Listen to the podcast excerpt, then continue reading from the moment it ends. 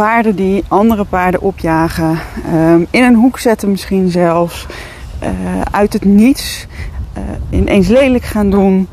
Uh, kortom, paarden die ja, de onrust, of onrust veroorzaken en de boel lijken te terroriseren. Ehm, nou, die vraag krijg ik wel eens en daar wil ik het met je over gaan hebben in deze podcast. Ik verklap er vast op voorhand bij dat ik er altijd van uitga dat een paard geen probleem is, maar een probleem heeft. En zelfs ja, in dit soort gevallen kan ik me echt wel voorstellen dat je als um, um, ja, paardeneigenaren soms met je handen in het haar zit. Nou, ik hoop dat ik je wat inzichten, tips en tricks geef. Dus welkom bij aflevering 32 van de Paardenfeest podcast.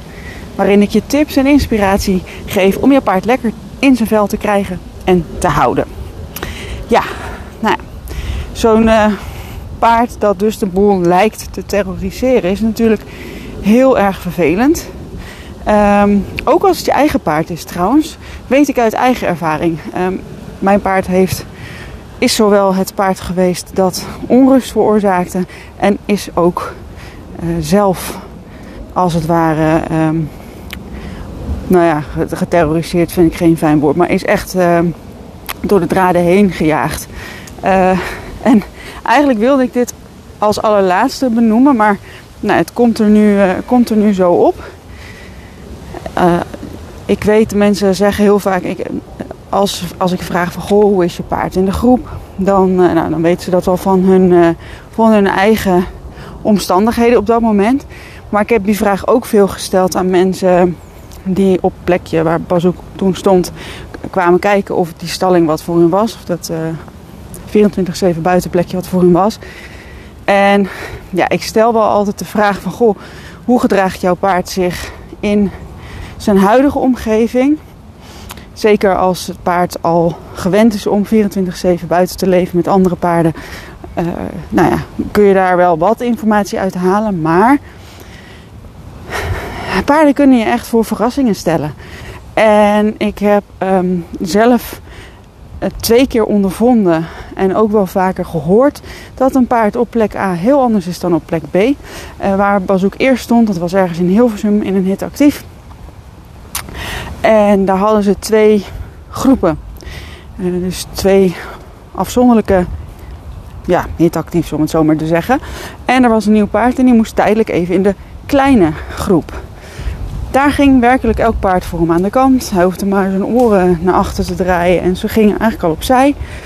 Um, dus iedereen had verwacht toen hij naar de grote groep ging van nou, dat wordt wat. Het werd ook wat, maar niet zoals we allemaal verwacht hadden. Want dit paard is er uiteindelijk, ik meen, kilo of 100 lichter uitgehaald. Onder de wonden, helemaal ja, gestrest. Want in plaats van um, dat hij degene was waarvoor iedereen aan de kant ging, was hij in deze groep dus, om het zo maar even te zeggen, het lulletje. En was hij dus degene die als een soort boksbal gebruikt werd. Um, nou, en ik vertelde het net dus ook al even over Bazoek. Uh, hij uh, is eigenlijk op de, nou ja, de plek waar ik het net over had in Hilversum, was hij een soort middenmotor. Beetje een Einzelganger. Uh, dus ja, niet heel veel conflicten eigenlijk, voor zover ik het eh, kon zien, want ik stond daar niet heel erg met mijn neus bovenop. Uh, daarna verhuisde hij naar Woudenberg en uh, heeft hij een poosje gestaan met uh, drie dames, drie merries. En toen er een ruim bij kwam, kwam er een hele andere kant van hem naar boven die ik nog nooit eerder gezien had. Hij joeg elke, met name andere ruinen, echt vreselijk op. Um, ja, en daardoor weet ik dus ook uit ervaring hoe het is als jouw paard uh, gezien wordt als de terror. Uh, dat is niet leuk, want ja, zoals ik al zei, ik zie dan dat een paard een probleem heeft en niet is. Um, en het was allemaal niet zo erg op die stal hoor. Dus, uh, maar goed, hè, het is toch wel jouw paard die de naam krijgt, of, of je nou wil of niet. dat gebeurt toch wel een beetje. En is ook wel menselijk. Want als uh, een ander paard mijn paard uh, opjaagt, vind ik dat ook niet leuk. Dus ja, dat is ook wel menselijk. Um, maar goed, uiteindelijk hebben we daar wel een modus in gevonden. ehm, met inscharen om, om hem echt heel erg de tijd te geven. Niet alleen het nieuwe paard, maar dus zeker ook mijn paard. En uh, op zijn plek waar die is overleden uiteindelijk, uh, had ik het inscharen helemaal zelf in de hand. En dat ging gewoon echt heel erg goed. Toen kon ik alle rust uh, nemen, alle stappen zetten waarvan ik dacht dat ze nodig waren. Maar goed, daar gaat het niet over. Het is geen inscharingspodcast. maar hij heeft een blauwe maandag nog even ergens anders gestaan. En daar stond een paard ja, die ook een volle rugzak had. Heel erg beschermend was over een merrie. En op de een of andere manier triggerde Bazoek iets. Ik weet niet wat. Maar dusdanig dat dat paard echt van achteraf de, uh, op de trek helemaal naar voren kan rennen. Naar het water. Um, echt meters, tientallen meters. Uh, meerdere keren ging dat. En dat ging dus ook één keer heel erg goed fout. Dus wat ik allereerst wil zeggen is: uh, ja, je kunt niet altijd voorspellen uh, ja, hoe een nieuw paard gaat reageren. Het hangt van heel veel factoren af. En ik denk dat wij als mensen gewoon lang niet altijd doorhebben waar alle communicatie van die paarden over gaat. We doen ons best. Belangrijk denk ik ook dat je wel zoveel mogelijk kennis opdoet over kalmerende signalen, over spanningssignalen. Uh, dat je weet dat uh, uh, heel veel maaien met de voorbenen en, en gedoe, dat dat niet heel erg wenselijk is bij een inscharing. Dus doe, doe, wel wat je kunt, maar realiseer je ook dat je ja, niet alles kunt zien. Um, dus ja, dat is dus wat ik daarover wil zeggen uh, in het begin. Als je een paard hebt dat moeilijk doet. Het is geen garantie dat hij dat dus ook op een andere plek gaat doen. Hangt van heel veel factoren af. Um, en als je een heel braaf en sociaal paard hebt, wil het ook niet zeggen dat hij dat op de andere plek gaat zijn. Dus um, nou, tip 1 is eigenlijk altijd zorg echt voor een goede inscharing. Uh, en voor mij is een goede inscharing wel echt meer dan uh, een week naast elkaar uh, of met een draad ertussen en dan erbij. Dat gaat gelukkig heel vaak wel goed. Dat is ook heel mooi. Um, ik denk dat als je weet waar je op moet letten, dat je ook iets beter dingen kunt inschatten. Maar ja, ik heb het wel eens vaker gezegd. Het is nou eenmaal voor paarden best pittig als je ziet hoe vaak zij van groepsamenstelling veranderen. Dat is in de natuur echt niet zo. Daar hebben ze, nou weet je, een veulentje wordt geboren. Dat is groep 1. Um, dan gaat het veulentje op een gegeven moment, als het oud genoeg is, vaak het, uh, het harem uit. Um, misschien dat uh, er dan nog eens een keer ergens een wissel is, maar meestal is dat het wel. En dan heb je het over nou, twee, meestal twee verhuizingen Misschien een keer drie. Maar meestal uh, meer dan dat is het niet. Als je dan ziet met hoeveel wisselingen onze paarden te maken krijgen, dan ja, is het ook niet zo raar hè, dat, dat het niet allemaal in één, keer, in één keer vlekkeloos goed gaat. En dan zetten we natuurlijk ook nog eens allemaal rassen bij elkaar. Nou, dat is een klein beetje alsof je iemand uit Friesland, uh, die nooit bij, het Friesland is geweest, met iemand uit Limburg laat kletsen, die ook nooit uit Limburg is geweest. Ja, weet je, het zijn allebei Nederlanders uh, maar ze spreken met een dusdanig dialect. Oh, dus een eigen taal, hè? Ik mag geen dialect zeggen. Hm. Nou ja, het is echt een eigen taal. Maar stel, uh, weet ik veel, plat Utrechts en plat Haags. Ja, je verstaat elkaar heus wel. Maar als je stress hebt, wat niet gek is bij een verhuizing. dan neemt je vermogen om goed te luisteren neemt echt wel af. en zo is dat een klein beetje vergelijkbaar bij paarden ook. Verhuizen is gewoon stressvol. Um, ja, we zetten allemaal rassen bij elkaar. Dat is dus wat ik uitprobeer te leggen met al die dialecten. Het is allemaal een beetje een eigen dialect. Um, een eigen accent. Waardoor het moeilijker is om elkaar te begrijpen. Dus dat het niet altijd goed gaat, is niet zo vreemd. Dus tip 1 is echt zorg voor een goede inscharing. Neem de tijd. Uh, maak tussenstappen. Ehm ja, zorg, dat, uh, zorg dat je in ieder geval uh, de paarden niet in één keer bij elkaar gooit. Dat je als, het, als paarden achter elkaar aan gaan rennen, ehm, op gaan jagen, dan ben je echt te snel gegaan. En ehm, sowieso, wat ook niet iedereen even goed in de gaten heeft. En dat komt denk ik ook omdat niet ieder, paard dat heeft. Maar er zijn paarden die als ze verhuisd zijn heel makkelijk lijken, heel relaxed, geen probleem.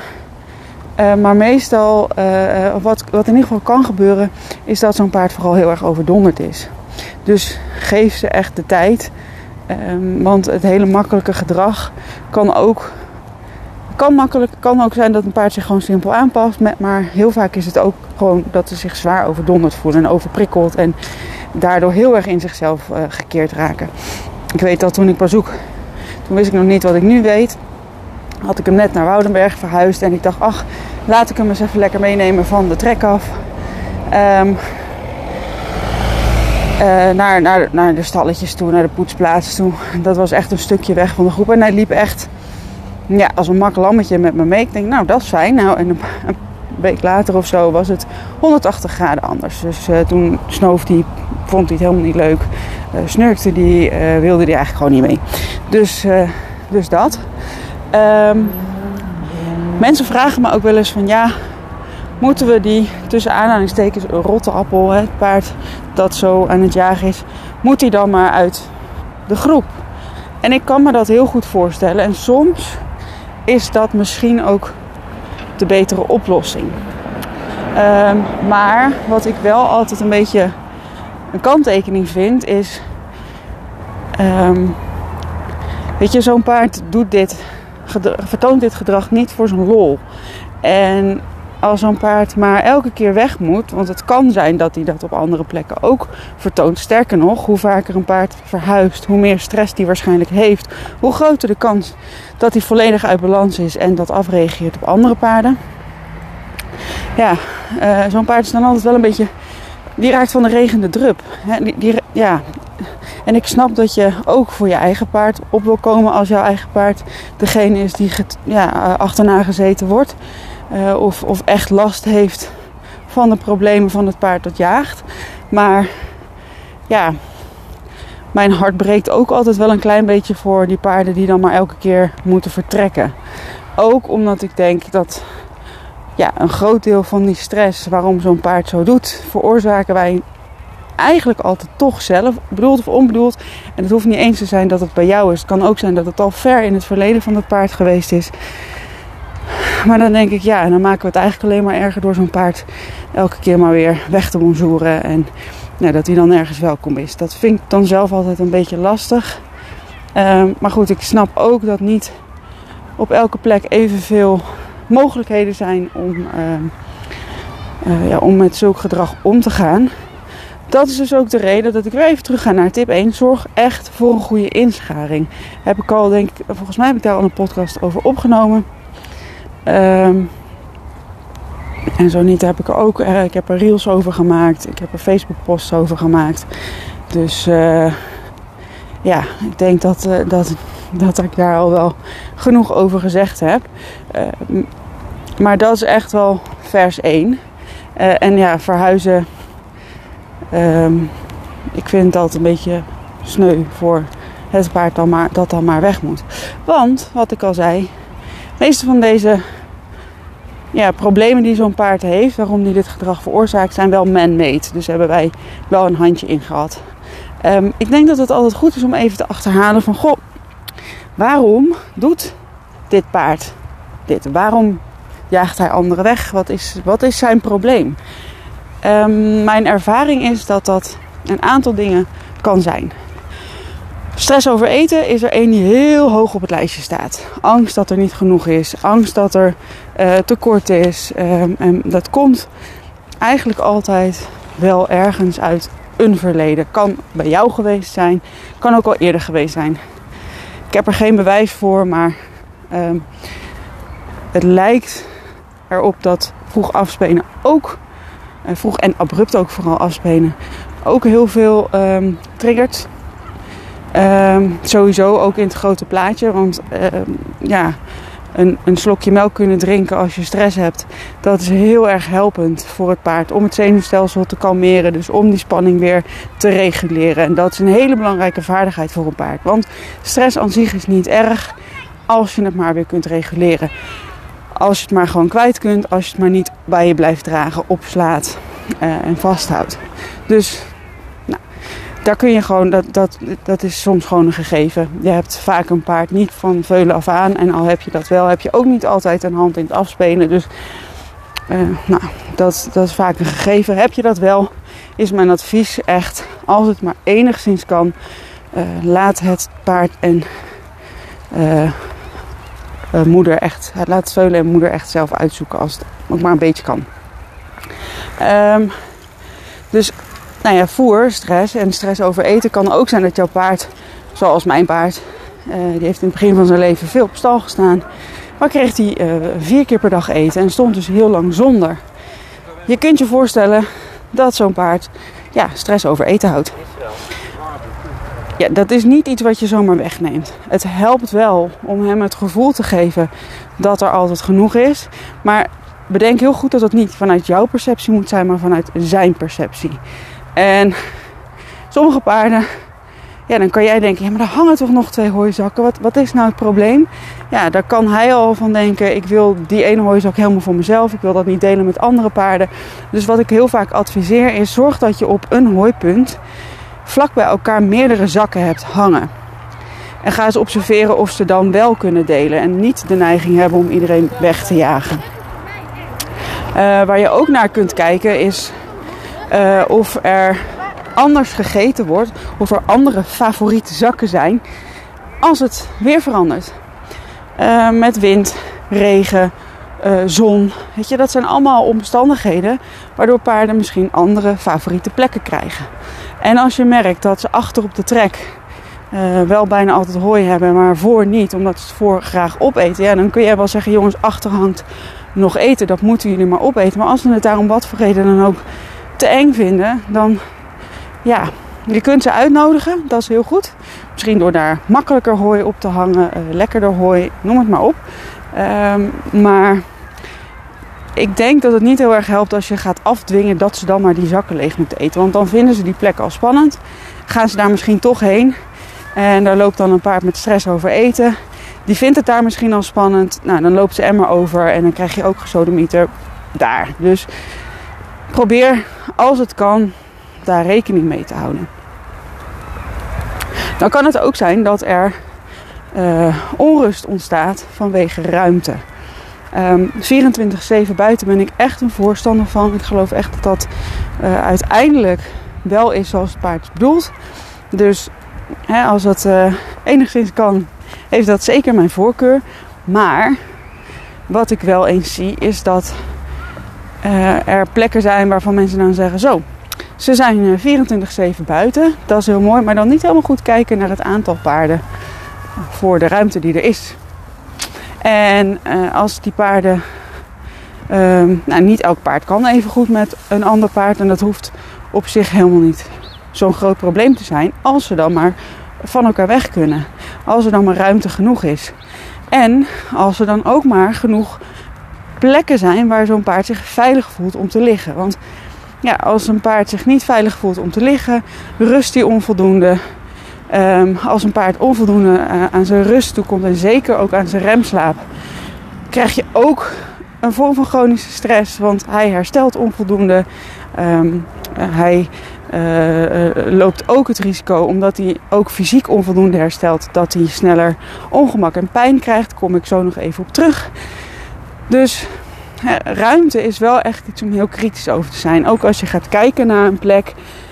Um, 24-7 buiten is echt heel fijn. Maar als een paarden hutje mutje staan of de paden zijn heel smal.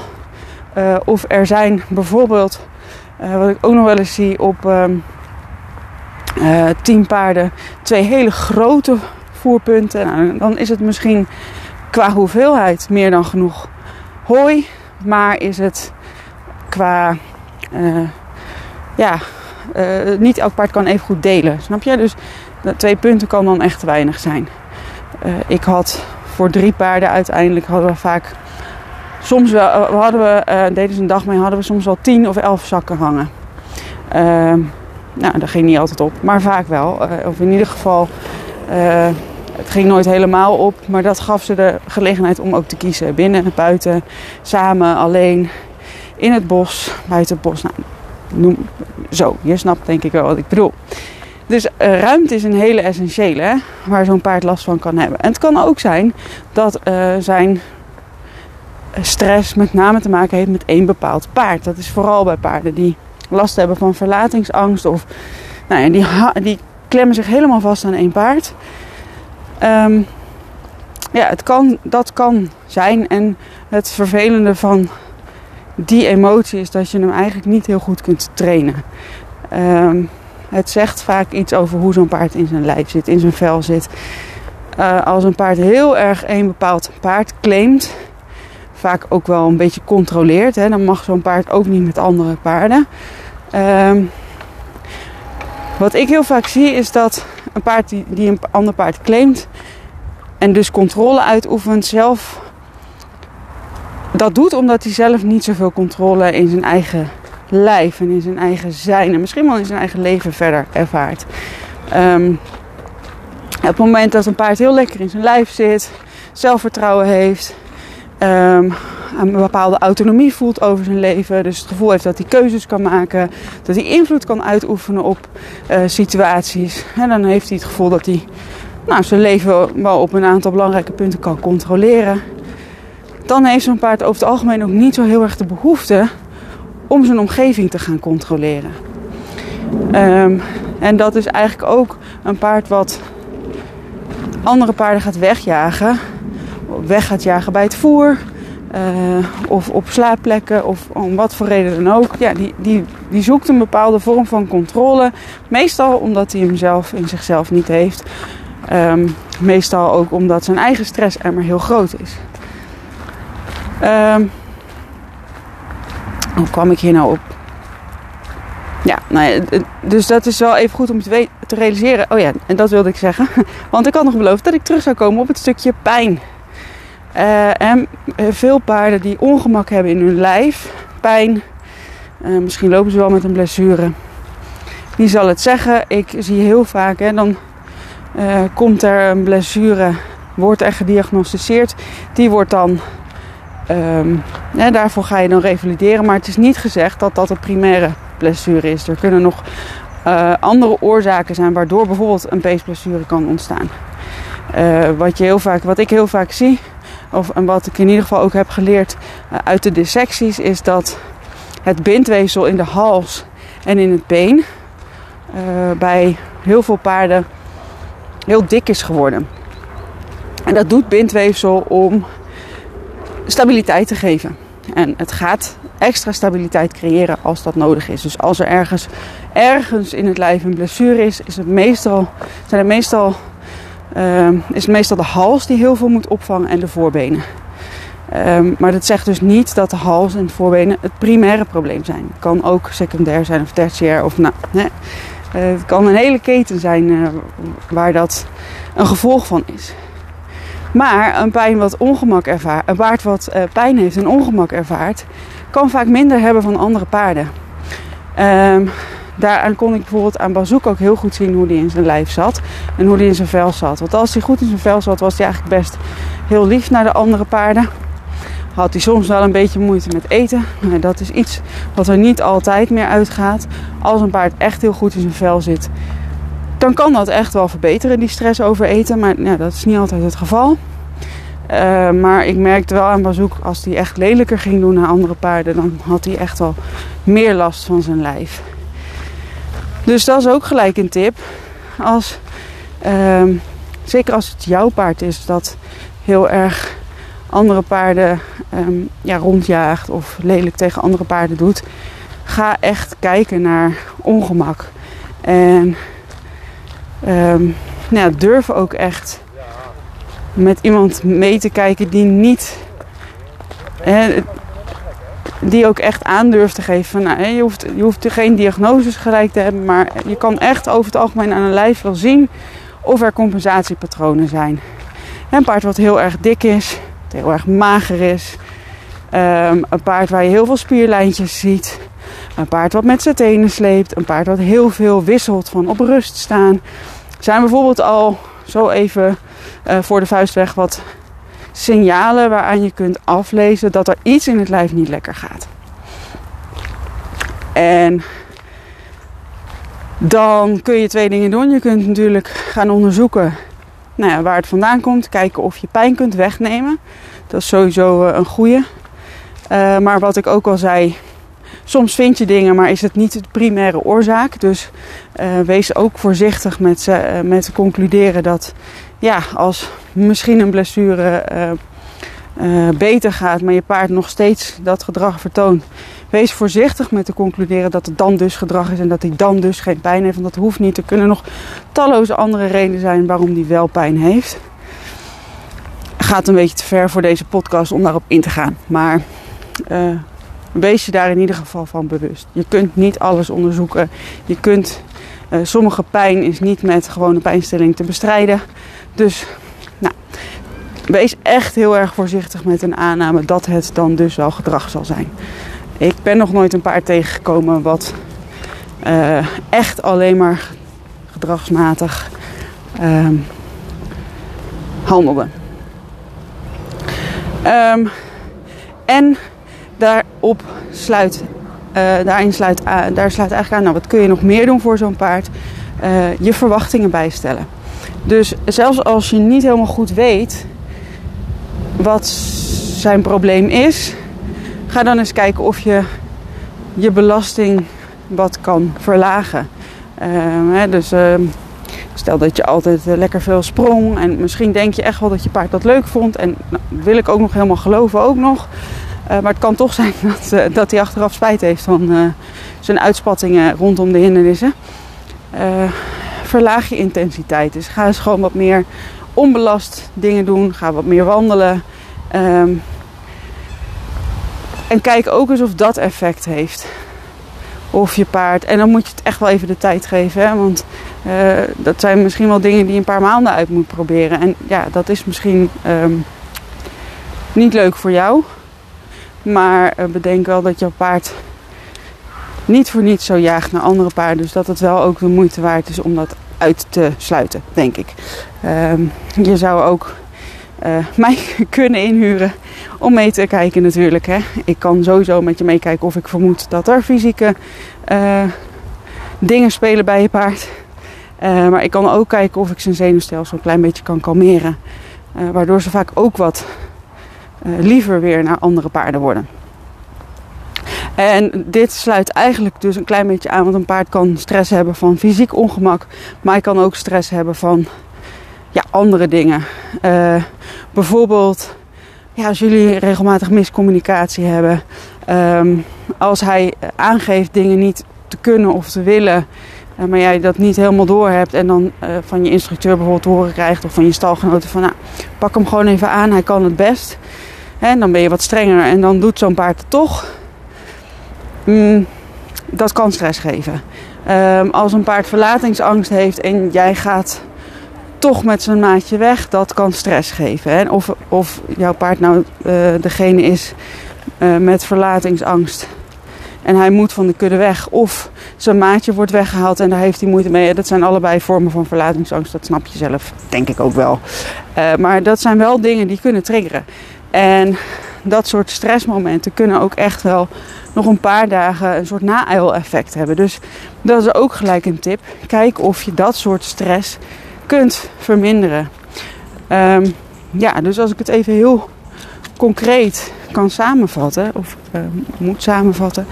Uh, als je een paard hebt in je groep, of het is jouw paard, hè, want het is natuurlijk soms best wel even lastig om dat voor andere mensen te bepalen. Maar stel dat het jouw paard is die de boel uh, opjaagt, van zich afbijt, ga dan kijken of je iets kunt doen rondom het eten.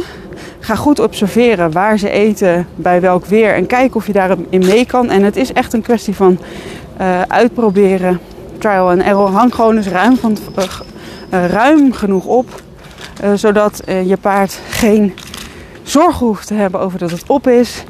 dat het op is bij zijn favoriete punt. Dat. Um, ga na of er voldoende ruimte is voor het aantal paarden dat er is. Ga na of je paard durft te gaan liggen, kan, kan liggen. Um, dat is ook nog wel een ding, of die fysiek wel kan liggen. Dat is een hele gekke soms. Uh, maar het gebeurt dat zo'n paard te veel ongemak ervaart en niet meer kan liggen. Uh, of niet meer kan opstaan, moeilijk kan opstaan. Daardoor willen ze ook wel eens zichzelf beroven van remslaap. Is niet handig. Um, ga na of je paard mogelijk ergens pijn heeft. Uh, want pijn is nou eenmaal echt een trigger voor stress en een trigger om dat af te reageren op je groepsgenoten. En ga na of je iets kunt doen aan de mentaal-emotionele stress. dus uh, laat dus echt iemand met je meekijken die, die echt verstand heeft van emoties. Dus niet van gedrag, want gedrag en emoties is echt wat anders. Maar echt iemand die verstand heeft van emoties. Uh, of er niet toch momenten zijn in jullie uh, contact waarbij je paard eigenlijk zegt van oeh ik vind dit eng of ik vind dit spannend, ik voel me niet veilig um, of ik voel me misschien gefrustreerd waar je gewoon omdat je dat geleerd hebt, dat hebben we denk ik allemaal geleerd, dan uh, misschien iets te veel overheen was. En uh, dan is er nog een ander ding, want je hebt niet altijd in de hand uh, of het paard dat jaagt, ja, of die geholpen wordt. Uh, wat je ook nog kunt doen, is je eigen paard helpen. Zeker als jouw paard, om het maar even zo te zeggen, de pineut is. Als jouw paard degene is die steeds bij het voer wordt weggejaagd als jouw paard uh, degene is die misschien wel in een hoek gedreven wordt. Um, het kan zijn dat er iets is in jouw paard. Ja, dat triggert, dat het zenuwstelsel van je eigen paard misschien ook niet helemaal op orde is. Uh, waardoor die ook misschien wel makkelijker mikpunt wordt. Het kan helpen. Je kunt uiteraard een aantal tips hè, als het gaat over eten en over ruimte. Dat geldt voor, voor ieder paard in, in zo'n groep. Maar ook um, uh, voor het paard dat juist degene is die altijd in een hoek gedreven wordt, uh, kun je kijken of je dat zenuwstelsel wat kan kalmeren en wat uh, flexibeler en sterker kunt maken, zodat je paard ehm, beter met zulke situaties om kan gaan. En dat kun je dus bijvoorbeeld doen door bodywork, dat kun je doen door ook bij jouw paard te zorgen, als dat degene is die in een hoekje gezet wordt, ook bij dat paard zorgen dat hij geen onnodige, overbodige stress heeft doordat hij vragen moet beantwoorden die hij misschien niet kan of niet durft. Um, wat ik ook altijd een hele leuke vind, en dat geldt eigenlijk voor uh, ja, beide kanten van de medaille, dus zowel het paard dat jaagt als het paard dat opgejaagd wordt, is dingen als hersenwerk. Um, dat geeft vaak een bepaalde mate van concentratie, van ontspanning. Er komen positief voelende hormonen bij vrij. Uh, wat ik ook altijd heel fijn vind uh, en goed uh, vind werken is een klein beetje R training. Waarbij het paard dus beloond wordt voor nou ja, gedrag dat we graag willen. Klinkt een beetje, als ik het zo zeg, klinkt het een beetje manipulatief. Maar de kunst is juist om ook uit de manipulatie te blijven. maar, en ook vooral weg te blijven bij druk omdat dat over het algemeen bij die paarden negatief voelende emoties teweeg kan brengen. En die die dan weer gaat afreageren op uh, zijn groepsgenoten. Dus uh, er zijn echt wel wat dingetjes die je kunt doen. Uh, neem dus ook de tijd bij nieuwe paarden. Uh, en zorg voor veel positieve ervaringen voor je paard. en dan echt vanuit de ogen van het paard. Hè? Want ik weet dat heel veel mensen zeggen van ja, maar hij vond die buitenrit leuk. Of hij vindt die wedstrijd leuk. Of hij vindt het springen leuk. En dat kan zeker.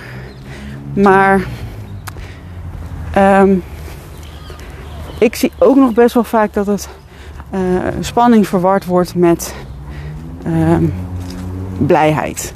Uh, en er is natuurlijk altijd een bepaalde vorm van positieve opwinding nodig als je gaat sporten. Uh, dus dat kan ik me wel voorstellen dat dat heus ook wel gebeurt. Maar er zit wel een grens in wanneer het nog leuk is en wanneer je paard er bij wijze van spreken maag, maagpijn van krijgt.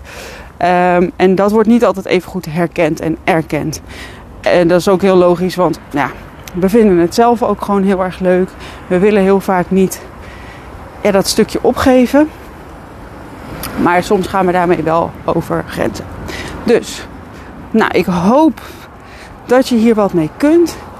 Ehm, bedenk ook heel goed dat het uiteindelijk de paarden zijn die 24-7 met elkaar moeten leven. En dat het heel erg belangrijk is dat zij het goed hebben.